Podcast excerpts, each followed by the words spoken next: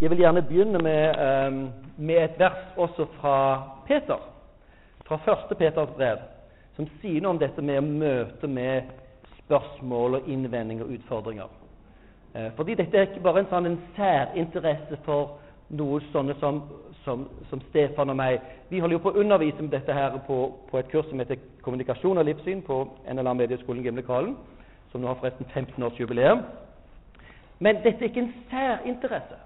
Dette er noe for alle kristne.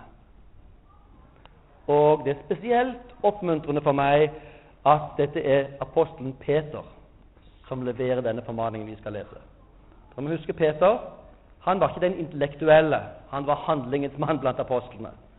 Og i 2. Peters brev så ser dere han til og med sier at ja, det er noen, det er noen her som forvansker Paulus. Sant? Han er apostel. Sant? Og det han skriver, er også hellige skrifter, sånn som de andre hellige skriftene, sier, sier, Peter. Men noen av de tingene Paul skriver, er vanskelig. Jeg lurer på om han har fått, fått lånt romerbrevet, og Peter har litt trøbbel med å henge helt med. Peter er den enkle troende. Han er ikke den utdannede som Paulus. Han er det som kommer med denne formaningen, som vi skal lese i 1. Peters brev, kapittel 3. Trygg tro er tema. Og så begynner Peter med å snakke om forfølgelsen.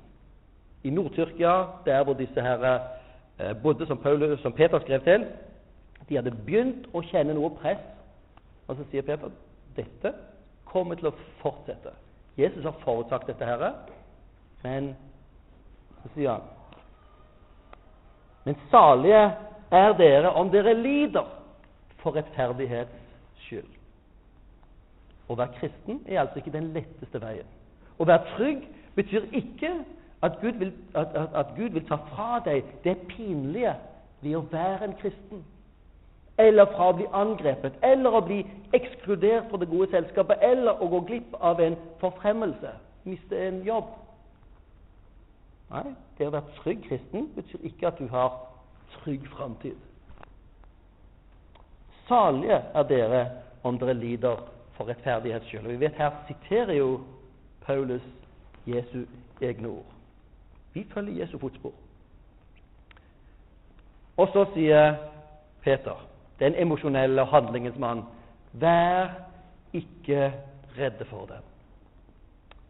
La dere ikke skremme, men hellige Kristus som Herre i hjertet.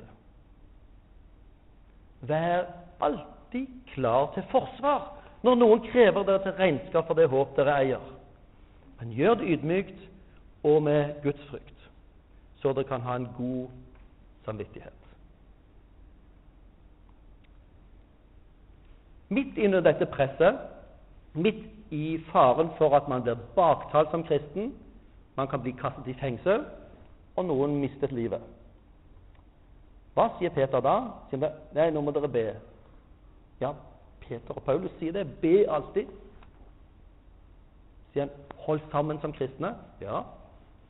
Men dere vet, det kristne samholdet er veldig sterkt, men når du kastes i fengsel, så er du alene igjen. Hva er det Peter legger vekt på? Jo, når kristne blir anklaget, så vi må forvente En kristen er alltid motkulturell.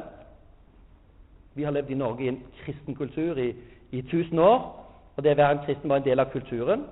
Men nå begynner vi å vende tilbake til den, til den normale tilstanden for kristne. Vi er motkulturelle, vi er sære, vi passer ikke inn. Vi oppleves som fremmede. Noen opplever vi saboterer systemet. Vi følger ikke det politisk korrekte. Og så kommer fokus på oss, så kommer presset på oss, og så der, sier, sier Peter ikke vend dere inn i dere sjøl. Ikke trekk dere tilbake.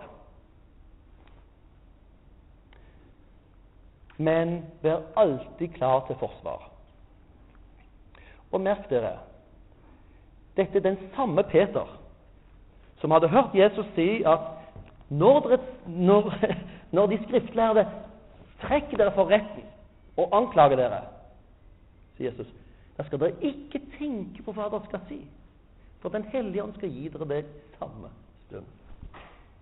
Og Det er vektlegging hos noen av oss kristne. Ja, Vi får det fra Den hellige ånd. Vi trenger ikke jobbe med dette. Vi trenger ikke bøker. Vi må jo stole på Gud. Den Peter som hørte disse ordene Du finner de blant annet i Markusevangeliet, som som er eh, evangeliet på en måte fra Peter sine ord til Markus. ikke sant? Ikke tenk på hva dere skal si, sier Jesus. Det er når de skriftlærde trekker dere for domstolene. Det skjedde rett rundt pinsedag. Peter fikk Den hellige ånd og disiplene. Og de forsto, de gikk opp for dem, sammenhengen mellom profetordet og Jesus. Og så stakk det tilhørende i hjertet når eh, han kunne forkynne dette. her. Men nå sier Peter til oss ok, vi trenger Den hellige ånd. Vi må stole på Den hellige ånd i våre liv, i møte med andre mennesker. Vi forbereder mennesker. Gud bringer dem i vår sammenheng. Vi har ansvar for å tale til dem. Og så forbered dere. Vær alltid klar til forsvar. Det høres nesten litt krigersk ut med forsvar. Vi, vi, har, vi, har, et forsvar i Norge som dreier seg da om å slå tilbake mot fienden. Sant? Med alle midler. Men det er ikke sånn forsvar det snakkes om her. Forsvar i denne sammenheng er det greske ordet apologia, som betyr tilsvar, som i en rettssak. I en rettssak skal du ikke kaste over din, din motstander, din anklager. Sant? Slå han til bakken og si 'Å, nå vant vi. Nå kan vi gå herfra.' I et forsvar da skal du tale. Du skal tale vennlig, du skal tale fornuftig, og du skal dokumentere dine påstander. Når vi kristne blir anklaget, og anklagene kommer Vi ser de i mediene. Vi trenger ikke gå ut forbi vår egen stue engang. Vi ser de i mediene nesten konstant. De ligger under veldig mange populærkulturelle uttrykk, både film og musikk, TV-serier. Hører vi underforstått sarkasmer og påstander og forvrengninger av kristen tro som vi må svare på. Og Da sier Peter Han sier ikke bare 'gi et svar'. Sånt. Det han sier, forbered dere til å gi svar. Og vær alltid beredt er jo den der speidertonen som betyr at ikke vær først og fremst beredt etter at rebeljen har gått. ikke sant? Ja, Da står vi opp og finner et eller annet ja, er Det er ikke speideren som har det, da. Men, men eh, når noen sier det til meg, så kan jeg være beredt. Det går en fantastisk reklame på, på TV nå som, rek, som, reklamerer for litt sunnere helse. Har dere sett den reklamen? Det er en, en, en mann som ikke er i særlig god form. Det kan du se på kroppsformen hans. Og Han sliter med å ta på seg disse trange, trange buksene han skal ut og sykle, og skoene og jakken og hjelmen. Når han har fått på seg det, så er han helt andpusten og bare faller tilbake i stolen. Ikke ta det for hardt. Litt om gangen. Begynn forsiktig. Eh, det Peter sier her, er at trosforsvar, eller forberede noe som trenger å skje jevnlig. Ikke at vi går på et superkurs på tre uker eller tre år eller at alle skal ta teologi. Peter tok jo aldri det. Um, kanskje heldigvis. Men det er et ansvar for oss kristne å lytte til spørsmålene. Og vi kan vite hvilke spørsmål vi får. eller Et bredt spekter av spørsmålene kan vi forutse. Så vet vi ikke hvilke spørsmål akkurat den personen har. Men 99,99 ,99 av spørsmålene du må møte, er blitt godt besvart av kristne gjennom 2000 år. Blant de, de, de kristne i Oldkirken så var det en god del skarpe, tenkende filosofer som satte hedenskapet i stor forlegenhet. Til og med filosofene endte opp, fordi filosofene forsto at de egentlig ikke hadde noe skikkelig svar. De kristne hadde skikkelig svar, og de hadde grunner for denne troen. Vi trenger å komme tilbake til den posisjonen hvor vi faktisk har noe å svare. Når noen krever dette regnskap for det håp dere eier. Dere hørte Stefan snakke om dette fantastiske håpet. Gud skal en gang stoppe historien. Og det ropet om rettferdighet som kommer fra Aleppo, rundt omkring i hele verden, hvor mennesker blir tråkket på, hvor det er mer slaveri i verden i dag enn, noen gang har vært. Folk som lengter etter rettferdighet roper etter En gang skal Gud bringe det. Og det er da dommedag. Som merkelig mange, mange har problemer med. Sant? Da skal rettferdigheten komme. Og så skal Gud skape en ny himmel og en ny jord. Hvordan kan dere tro på det?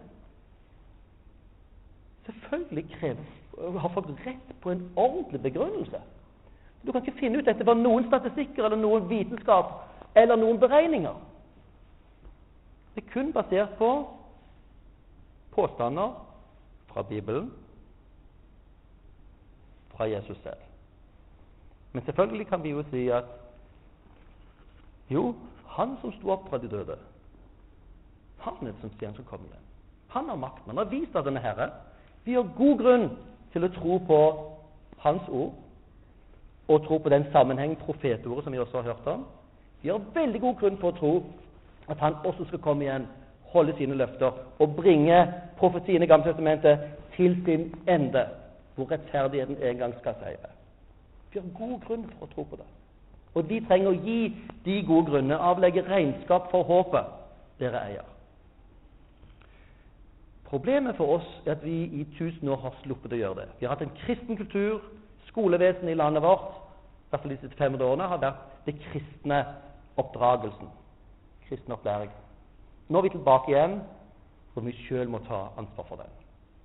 Og det er, For dere som jobber i skolen, så vet dere at det etter hvert ganske skremmende lite ungdommen vet om kristendommen. De har kristendom i skolen. De har mer om kristendommen enn noen av de andre religionene.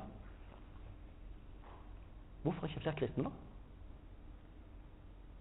Jeg husker min datter sin kommentar for en god del, god del år siden som sa å, det, det, det er så trist at, at det, det mine klassevenninner har hørt om kristendommen, det er bare at det er kjedelig. Det bildet som gis, ikke fordi lærerne er dårlige, men på måten det legges fram på, og måten det tenkes som religion på, er en skikkelig turnoff. Folk, eller barn, får nok kunnskap om kristendom til å vite at det er kjedelig. Ofte. Det hender av og til at noen får interesse. sånt. Um, de har en utfordring. La meg kommentere her. Når Peter sier vi ikke skal frykte, så er det ikke fordi at vi skal nekte for følelsene våre. Dere vet Det nytter ikke å fighte følelsene sine. 'Nei, jeg skal ikke føle dette. Jeg er redd nå, men jeg skal ikke være redd.' Det hender jeg har noen passasjerer i bilen som av og til blir redd. Så jeg begynner å bli trøtt osv. Jeg kan si 'slutt å være redd'. Det hjelper ikke så veldig bra. Det beste er å ta en kaffe. Jeg drikker ikke kaffe kun i nødstilfeller, men kaffen hjelper godt å holde øynene oppe. Da gir man noen en grunn til å være litt mindre redd. Og det er det, det, det Peter gir oss. Husk dem som er herre. Husk dem som er større enn de som kaster i fengsel. Som er større enn de som kan drepe dere. Husk Kristus, Herre i deres hjerter. Det er viktig at det starter med det. Det starter ikke med en sånn intellektuell bearbeiding. Det starter med lojalitet til Han som har kjøpt oss, Han vi tilhører. Vi trenger heller ikke frykte motstand, fordi sannheten tåler spørsmålene. Peter sier ja, vær klar til å svare, for det finnes gode svar. En av mine forbilder heter Francis Schaefer. Han startet Labri-fellesskapene rundt omkring i verden. En av hans eh, si, valgspråk eller mottoer var ærlige svar på ærlige spørsmål.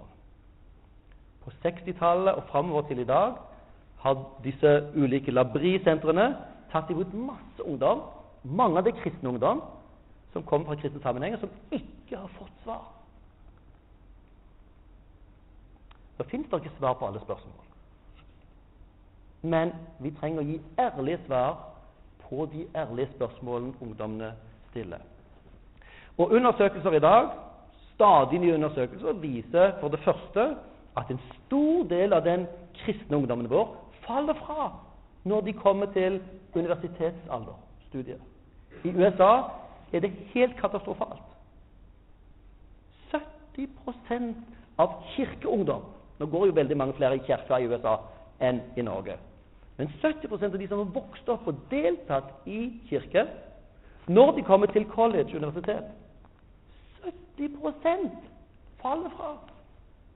Hva er det som skjer for noe? Det er jo katastrofe. Det er jo helt i orden at mennesker velger Jesus vekk. Men når man undersøker hvorfor de faller fra,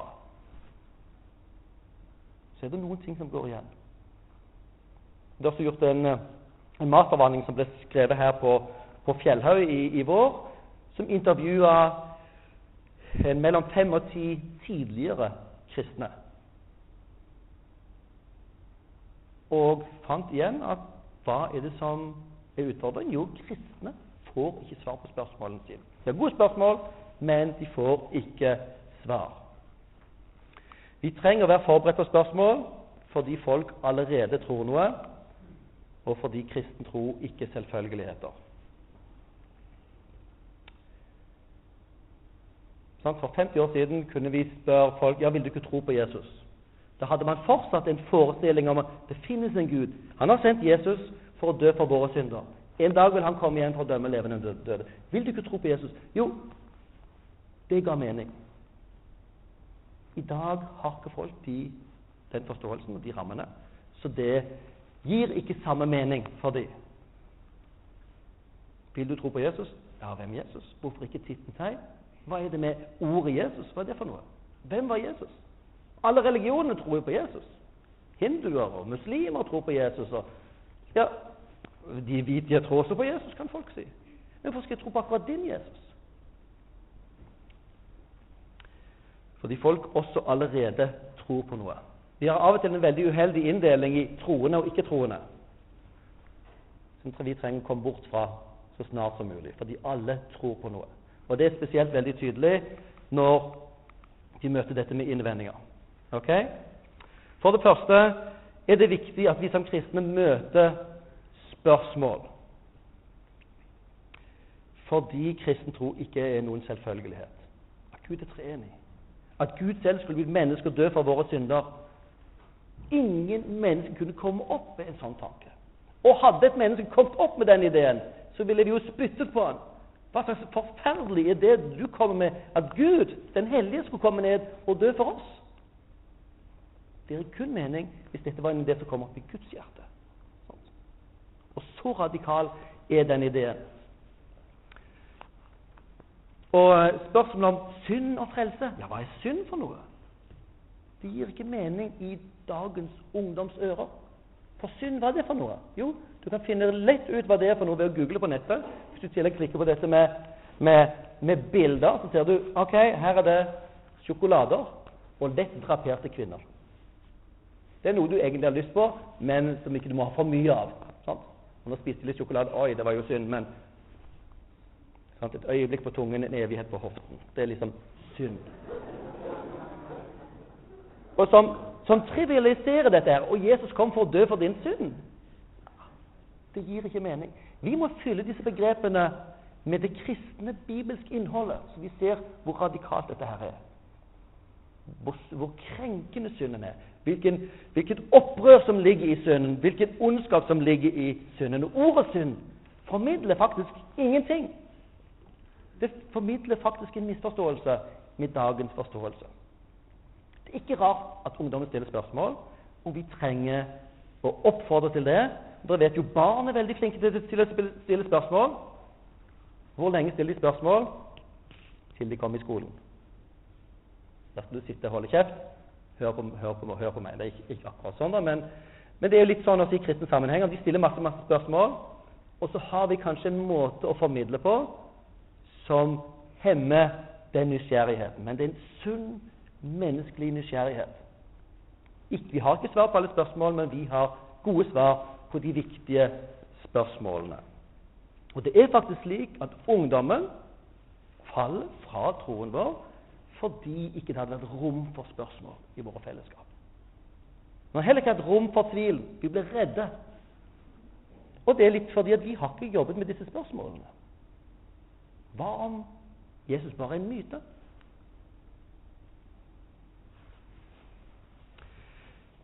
Innvendinger. Når folk har en innvending mot en kristen tro, er det veldig tydelig at de allerede tror på noe fra før. Og En av våre jobber er å lytte til innvendingene og se for seg ok, hva er det som ligger her. Hvilke tankebygninger snakker Paulus om i 2. Korinterberg kapittel 10? Hvilke tankebygninger er det som reiser seg opp og skjuler for kunnskapen om Kristus? Da er det ikke vår jobb å hyle høyere eller komme med flere bibelvers. De må rive ned tankebygningene. Ja, sånn som Paulus og de første kristne apologetene. De går og utfordrer de andre livssynene, disse forestillingene. Og viser at veldig mye av innvendingene som folk kommer med, er basert på myter. Det er ikke evangeliene som er myter. Det er innvendingene som er myter. La meg nevne et par helt opplagte eller helt klare myter. Det ene er at kristen tro er i konflikt med vitenskapen. Det har du stadig spredt blant, også blant intellektuelle og politikere. Kristne trodde at jorden var flat. Gi meg et sitat på når en kristen har hevda det. Det er en myte som baserer seg på denne konfliktideen om kristen tro i konflikt med vitenskapen. Og for et moderne menneske, hvis du krever at det skal velge mellom tro på vitenskap eller Jesus, så setter du deg i en umulig posisjon. Vitenskapen har den høyeste status blant moderne mennesker. Selv om de er relativister, så går man til naturvitenskapen for å finne sanne svar. Hvis du da bare aksepterer at her er det en konflikt, og du må velge enten eller, da har vi satt vår ungdom i en forferdelig vanskelig situasjon. Vi trenger hjelp til å se at dette er en myte. Eller det er en veldig utbredt uh, video på nettet som heter Sightguide, som uh, som, som, sprer en del konspirasjonsteorier. En av de teoriene er at Jesus egentlig bare er en kombinasjon av gamle, antikke myter. Gamle guder som Horus og Mitras. Ok, Det var guddommer som ble mennesker, og så ble de drept. Og så hadde de tolv disipler, så hadde de et nattverdmåltid osv. Og, og dette er da Jesus. Og dette, kommer, dette ser unge mennesker. Dette er en dokumentar som ligger på nettet og så ramler troen deres sammen. Um, den Zeitgeist-myten er en av de tingene som Stefan berører i, uh, i 'Skeptikerens guide'. Uh, og det er Zeitgeist som er myten. Fordi det baserer seg på en 100 år gammel teori om sammenheng mellom de religionene som er forlatt for lenge siden. Det finnes ikke noen fagfolk lenger som aksepterer de teoriene. Så vi må hjelpe folk med å punktere mytene, med å rive ned eh, innvendingene. Og så trenger vi å møte de ulike livssynene. Vi lever nå i en tid med et mangfold av livssyn. Og for, som sagt, for 50 år siden, kanskje 100 år siden, kunne man sitere bibelvers, og det ga god mening. Det er noen bibelvers som gir relativt god mening for folk i dag også, men rammene for å forstå bibelversene er helt endret. Sånn, veldig, veldig ofte i dag vil du ha perspektivet at ja, hva byr du meg? Jeg er en forbruker. Hvilken religion har mest å by meg? Og da skal de prøve å se om det er interessant, det du leverer. Da er det ikke så rart at mange syns at dette var skrekkelig kjedelig. En, en himmel eller en, en, ny himmel og ny jord. Nei, jeg vil heller ha tingene nå. Forbrukerinnstilling.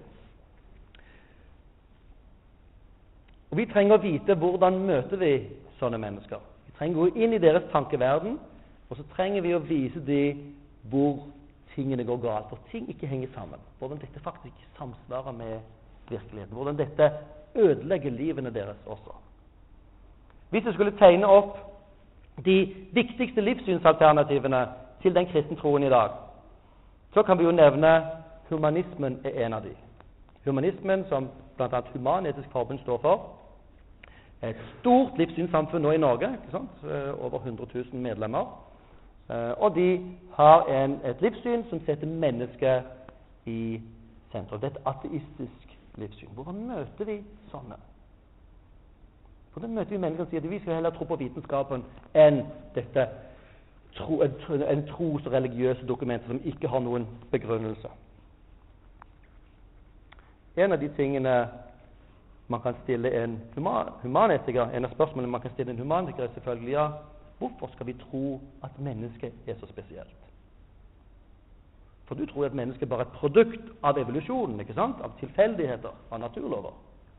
Hva er det som gjør akkurat dette vesenet, tobeint, pelsløst pattedyr, til det viktigste i universet? Hvorfor skal vi være alle tings mål? De har ikke så veldig mye annet å si enn egentlig ja, dette er et valg vi gjør. De har egentlig stjålet den kristne ideen om mennesket skapt i Guds bilde. De fjernet Gud, fjernet språk om Guds bilde, men så sier de ok, alle mennesker er like og har verd. Og det bare henger i luften. Og det er veldig risikabelt, fordi det andre livssynet som er veldig utbredt i dag, som ligner veldig mye på, eh, på humanismen, det vi kaller naturalisme. En ateistisk filosofi som sier naturen altså finnes. Det finnes ikke Gud, det finnes ikke ånder, og mennesket er bare natur. De ville tydelig ta avstand fra den ideen om at mennesket er det høyeste, eller noe spesielt, og noe som er hevet over dyreverden. Og vi er litt mer intelligente, kan det se ut som. På den annen side, hvis du ser på historien hva vi holder på med, er vi atskillig dummere enn de fleste dyrene også, når vi driver og bomber hverandre sønder og sammen. Mennesker hva gjør det spesielt? Naturalistene, naturalistene, når de går dypere inn i sin filosofi også Naturen er alt som finnes, må du huske. Så begynner noen de tenke på ja, hjernen min. ikke den et naturprodukt? Kan jeg stole på den? Sånn som en naturalist sa at på samme måte som nyrene utskiller urin, så utskiller hjernen vår tanker. Du kan ikke ha en sann eller falsk urin. Okay? Du kan ha doping i den eller ikke. Men urin er urin. Det produseres ut fra vilkårene dine. Tankene dine er produkt av kjemi og fysikk i hodet ditt. Hvorfor stole på det? Det er et problem med konsistensen når alt blir natur. Så har du et tredje livssyn, som er det store alternativet, er som vi kan kalle nyreligiøsiteten, eller panteismen. Hvor man ikke greier å akseptere at nei, livet er ikke noe mer enn bare dette her korte livet, og gi bare natur. Det må finnes noe mer. Så det er veldig mange som da istedenfor å gå til kristen tro, søker de inn i alle verdens slags nyreligiøse okkultisme, spiritisme, sjelevandring. Det er noe mer Gud i meg. Jeg finner guddommelig inne i meg. Og dette møter en veldig dyp lengsel. Sted hvor vi kan finne mening, sammenheng. Frykten for døden bremses noe fordi vi ser på oss selv som noe som går utover bare dette livet. Fins det et grunnlag for det håpet? Kjempeutfordring. Og hva med sjelevandringslæren? Vi har sett den i praksis i India nå i tusen, tusener av år. Hva sjelevandringen gjør med et samfunn? Jo, sjelevandringslæren lærer at det livet du har nå, det er av livene du har levd tidligere. Du får det du har fortjent. Hvis du blir syk, så er det din karma. Hvis du er fattig, hvis du mister et bein, så er det din karma. Derfor er det en veldig sterk eh, holdning i India. Du skal ikke hjelpe de syke, de fattige, for de må betale sin karma. Hvis du hjelper dem nå, ok, da gjør du det verre for de senere. Det er bedre at de brenner ut sin karma her nå.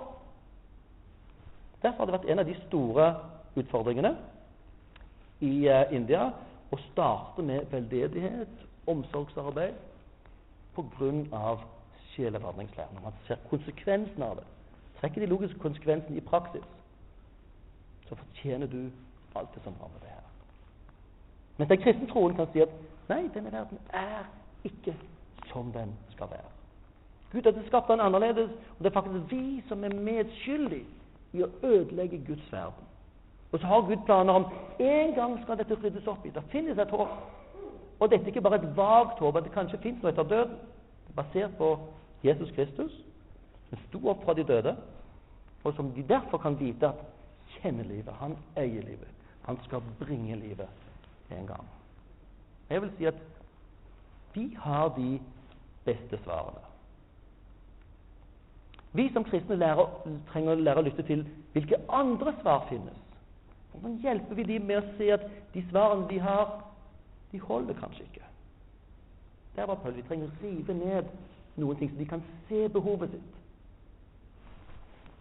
En, av, eh, en, en, eh, ny bok skrevet av en uh, muslim, som kanskje noen av dere har, søkte Allah fant Jesus.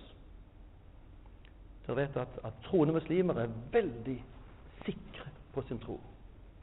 Han møtte i sin studietid en kristen som også var trygg på sin tro. Og de begynte å utfordre hverandre. og De ble da enige om ok, først undersøker vi islam, og så skal vi undersøke kristendommen. Han kristne han gjorde hjemmeleksen sin så godt. Han kunne vise til de muslimske kildene. Og når han muslimen gikk tilbake til sine imamer og sine lærere ja, hva, hva, er det med dette her når Mohammed bryter sine avtaler? Når han dreper folk? Når han tar flere koner? Og sier det er ok å slå kvinnene? Er Muhammed idealet? Han sier han mistet sin tro på islam fordi han begynte å undersøke Muhammed og deres egne kilder. vel å merke. Det gjorde han åpen for å vurdere kristendommen. Og Han kom til tro på Jesus gjennom å undersøke Jesus og de kristne kildene. Han kom til dette kritisk, men så at det holdt. Så han er i dag en av de store konverterte, omvendte muslimene som lager masse viktig materiale for oss, som både hjelper oss til å forstå muslimer, men også å dele den kristne troen frimodig fordi det holder. Vi har i år på studiet vårt et spesielt år i år. Vi har tre tidlige muslimer, muslimer unnskyld, det skulle vi ønske vi kunne få etter hvert også, men tre tidligere ateister. Um, og Det er interessant å høre deres livshistorie, Blant annet en av de som forteller at han kom til å tro på at Gud fantes gjennom å lytte til debatter på nettet. Gjennom Big Bang-teori. Det beste forklaringen på det er jo at Gud finnes. Han hørte de beste ateistene, de beste kristne. Jo, så gikk det syv år for dette var en voksen på Sørlandet, på bibelbeltet. gikk det syv år før han møtte en kristen som fortalte han at dette med Jesus har faktisk levd. Hva? Og så begynte han å undersøke dette kritisk. Kilder, Har Jesus levd? Hvor gode er de kildene? Kan vi stole på dem? Og så kom han til å tro på Jesus. Syv år gikk denne personen rundt i den kristne delen av Norge med forestilling om at dette med Jesus bare var myter. Vi trenger å hjelpe moderne mennesker med deres spørsmål, med deres myter. Gud har sendt oss til dem. Vi har ingenting å være redd for. Kom og undersøk oss. Og vi kan legge hodet på hoggestaven. Ja, vi kan se det som jeg av og til sier, at ja, kom og undersøk dette med Jesu oppstandelse. Jeg har tror jeg, 20 forfattere i mine bokhyllere av folk som, ateister som er kommet til tro pga. kritisk undersøkelse av Jesu oppstandelse. Legg å legge hodet på hoggestaven og si ja, Undersøk fall før du forkaster kristendommen. Hvis du skulle finne ut at Jesus ikke står for det, så kom og fortell meg. For Hvis ikke Jesus står opp, så er det ikke noe mening med å være en kristen. Men dette materialet er så solid at vi har all grunn til stor frimodighet med å dele det med våre ikke-troende venner. Utfordringen er for oss sjøl kristne først å oppdage dette. her. Vi har seilt på komforten av den kristne kulturen. Sånt. Og når spørsmålene kommer, så er vi ikke forberedt. Nå kan vi forsiktig, vi trenger ikke kaste oss inn i tøffe studier med en gang, men lytt til spørsmålene. Prøv å tenke hvordan det er å være uten Gud. Hva slags ideer har de? Og hvordan kan du møte disse her menneskene? Det er et kall til oss som vil dele med dere. Jeg vil gjerne be dere også om å huske på det arbeidet vi driver med. Damaris Norge har jo nettressurser. Vi prøver å ha nå nytt initiativ med Veritas-fondet, kaller vi det. Hvor vi prøver å, å få produsert og spredt kristen litteratur som en hjelp for kristne og for ikke-kristne, som går akkurat disse spørsmålene i å forsvare, eh, å forklare og forsvare troen. Så har vi dette studiet, kommunikasjon og livssyn, som jeg også gjerne vil dere skal be for. Eh, for vi er en liten skole, lite studium. Vi faller mellom veldig mange Vi er ikke teologi, vi er ikke journalistikk, vi er ikke ordentlig medie. Vi er en blanding av forskjellige ting. Og så står vi på et veldig viktig krysspunkt mellom ulike livssyn. Og så trenger vi noen som jobber med utfordringen hva sier vi? Hvordan møter vi de ulike livssynene? Hvordan kan vi stille lure, kloke spørsmål tilbake til kulturen vår, som kan skape en interesse for denne skatten vi har? Åpne opp så folk går inn selv og vil undersøke. Det er det vi holder på med. Så jeg vil gjerne be dere om forbønn for det også.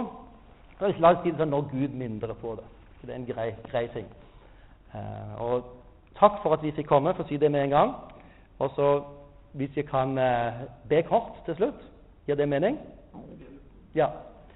Vi takker deg, himmelske Far, for din godhet. Vi takker deg for eh, at profetordet står så fast. Vi takker deg for at Jesus sto opp fra de døde, og at vi har en god grunn til både å tro dette her og dele det til og med med skeptikere, folk som har helt andre trosoppfatninger. Så står dette fast, og vi ber om den, eh, dette motet til å undersøke det. Eh, og vi ber oss om en enda større iver etter å dele dette med våre venner og, og eh, nordmenn og nye, eh, nye medborgere. Eh, om å få, få, dele dette her, få se og få lytte og vandre med dem, og så få peke på deg, Jesus. Utfordrer du oss her, og utruste oss til de vi møter hver enkelt. Amen. Kan du få den? ja. ja, Bjørn, jeg fikk litt dårlig samvittighet nå når jeg satt og hørte på det. Jeg skulle gjerne hørt på det enda lenger. Oh. Så det var fantastisk. Tusen takk skal du ha. Mm. Og jeg ønsker dere Guds rike velsignelse Mm. i tjenesten som det står i. Det var veldig, veldig fint. Så vi gir han en god applaus. Takk skal du ha. Takk skal du ha. Takk. Guds velsignelse.